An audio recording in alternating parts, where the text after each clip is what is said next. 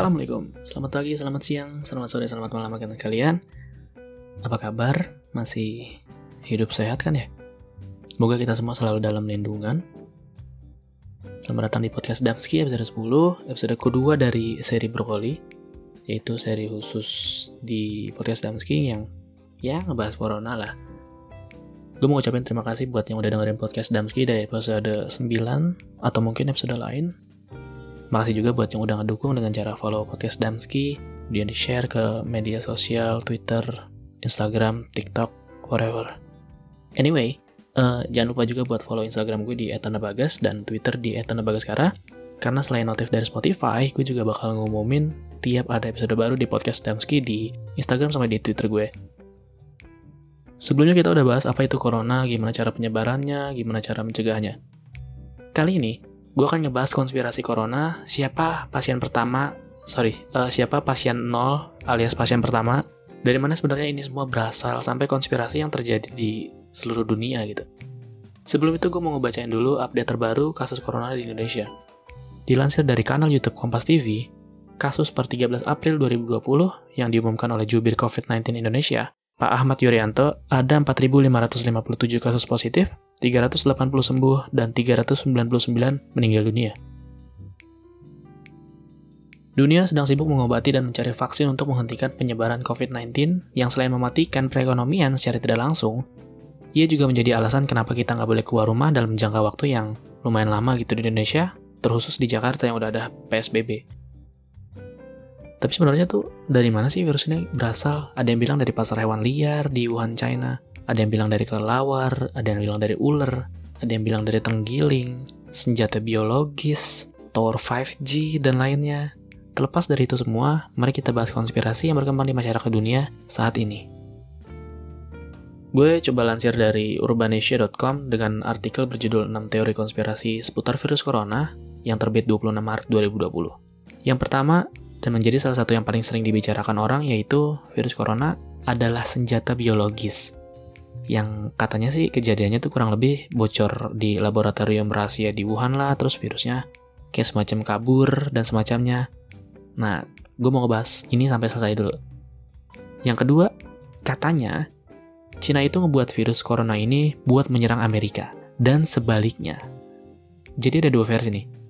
Yang pertama, kata senator Tom Cotton dari pihak Amerika bilang kalau virus itu berasal dari laboratorium P4 di Wuhan lab biokimia rahasia yang terkait dengan Chinese Academy of Sciences. Sebaliknya, Kementerian Luar Negeri Cina, Zhao Lijian, bilang bahwa Amerika lah yang pertama kali ngebawa virus itu dari personil militer mereka yang datang buat ikut Military World Games di Wuhan Oktober 2019. Konflik antara Cina dan Amerika ini emang udah muncul bahkan sebelum corona ada, dengan terjadinya perang dagang dan sebagainya. Tapi setelah datang konflik ini, ya biasalah Donald Trump terkenal rasis malah manas-manasin antara Cina dan Amerika gitu. Yang ketiga, ini juga salah satu konspirasi yang lumayan tenar dan sering di-share, yaitu coronavirus udah diprediksi sejak dulu. Virus corona disebutkan dalam sebuah novel berjudul The Eyes of Darkness, karya Dean Koontz, yang terbit 1981. Dalam novel emang gak disebutin secara gamblang soal virus corona, tapi Salah satu halaman buku tersebut tertulis kalimat, pada sekitar tahun 2020, penyakit seperti pneumonia yang parah akan menyebar ke seluruh dunia, menyerang paru-paru dan saluran bronkial, dan menolak semua perawatan yang diketahui. Ada juga yang bilang kalau salah satu seri game, Resident Evil, mengandung cocok logi. Jadi kalau nggak salah ada sebuah kota bernama Raccoon City, dan warganya tuh kena virus kemudian jadi zombie. Raccoon City atau Raccoon yang kalau dari susunan hurufnya itu kan uh, itu R A C O O N. Itu bisa diotak-atik susunan abjadnya dan berhasil membentuk kata corona. Emang ya itu mah emang emang akal-akalan aja sih manusia kan jago main kata, main Scrabble lah gitu. Jadi ya bisa disebut konspirasi atau cocok logi lah bahasanya. Kemudian juga pada tahun 2015, Bill Gates juga pernah memprediksi wabah ini. Beliau berpartisipasi dalam TED Talk dan bilang the next outbreak, we are not ready. Atau bahasa uh, bahasa Indonesia-nya wabah berikutnya, kami belum siap. Saat itu dia mengartikan kalimatnya yang berarti ancaman terbesar yang mungkin dihadapi manusia di masa depan bukan perang nuklir, tapi wabah epidemi. Yang keempat berkaitan dengan poin ketiga, yaitu Bill Gates. Yayasan milik Bill Gates dan istrinya, Melinda Gates, memang mengalokasikan jutaan dolar untuk membantu mengatasi wabah coronavirus ini. Tapi, Bill and Melinda Gates Foundation berpartisipasi dan ikut mengatur simulasi pandemi wabah virus corona di sebuah acara bernama Event 201 201 yang mana itu terjadi 6 minggu sebelum wabah merebak di Wuhan. Dan konon katanya juga, Bill Gates mendukung depopulasi global atau pengurangan manusia secara global.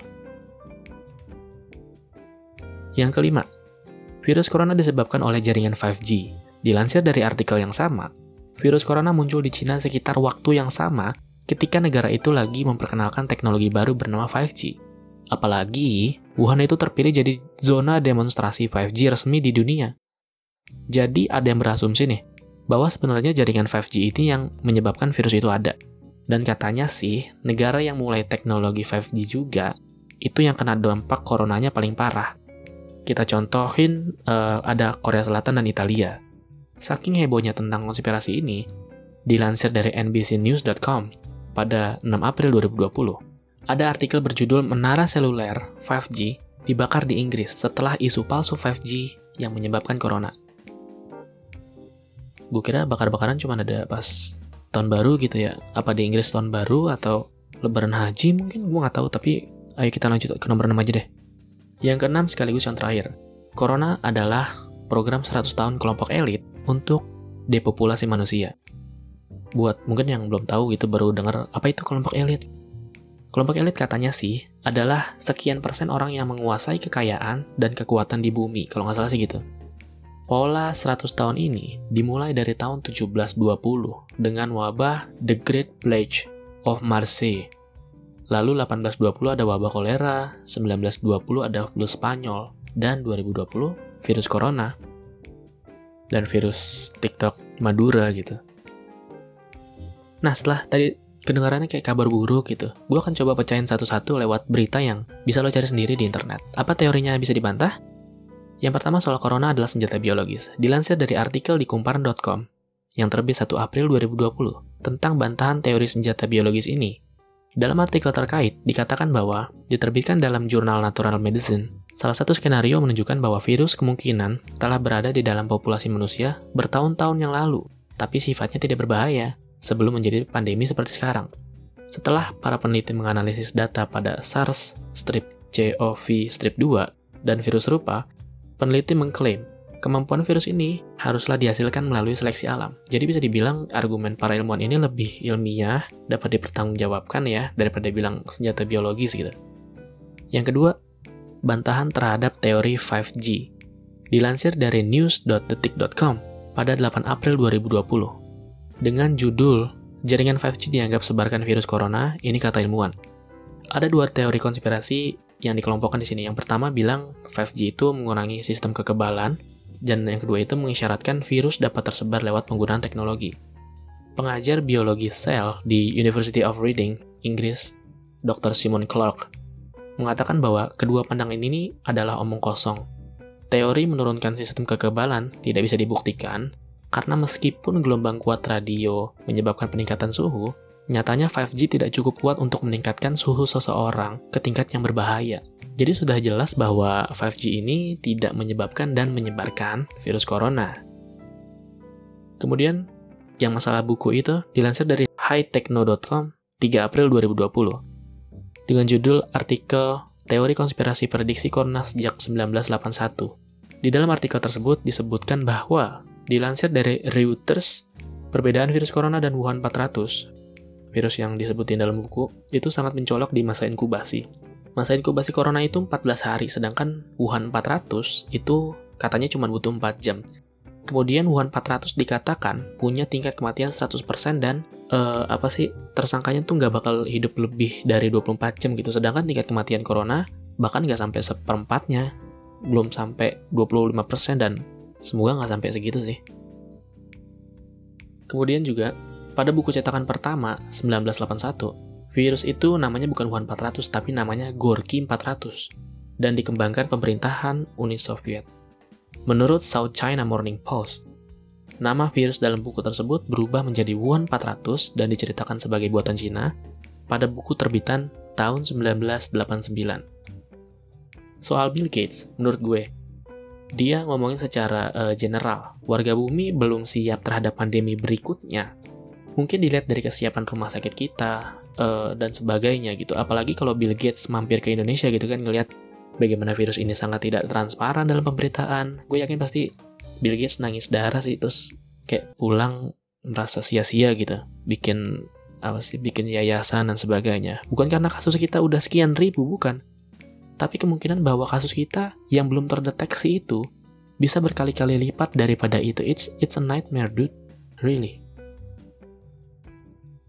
Kemudian terakhir, uh, sebenarnya kita balik lagi, virus corona ini asalnya dari mana? Atau dari hewan apa? Gue pribadi nggak bisa jawab. Karena WHO pun belum bisa kasih statement yang jelas. WHO masih berpegang pada pendapat bahwa pasar hewan liar di Wuhan, Cina, yang punya peran menjadi pusat penyebaran virus yang awal. Nah, yang jadi pertanyaan nih, kalau lo belum tahu, di Indonesia pun ada gitu pasar hewan liar. Salah satunya tuh yang terkenal di Tomohon di Sulawesi Utara. Dan udah sejak lama beroperasi. Kan kalau anggapannya makan kelelawar itu jadi penyebab, kenapa Tomohon nggak apa-apa sejak dulu beroperasi gitu?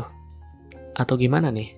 Apa benar jangan-jangan dugaan Cina soal orang Amerika yang pertama kali bawa virus ke Cina? Gue juga nggak tahu. Jadi kesimpulannya ya belum tahu sih dari mana gitu asalnya. Yang jelas, seperti episode sebelumnya, Penyebaran virus ini sangat cepat dan masif, sehingga patut diwaspadai. Jangan keluar rumah jika tidak penting, cuci tangan, terapkan pola hidup bersih sehat, jangan lupa doa, minta perlindungan pada Yang Maha Kuasa. Mungkin segitu aja topik ngomongin konspirasi kali ini ya. Kalau mau cari lebih lanjut silahkan riset sendiri. Karena gue sendiri takut kalau ngomongin terlalu banyak nanti diculik alien. Jangan lupa share episode 10 tentang konspirasi ini ke circle Twitter kalian. Mana tahu ada yang percaya, banyak kan sih nggak percaya. Jangan lupa juga follow podcast Damski di Spotify, Apple Podcast, Google Podcast, SoundCloud, dan platform lainnya.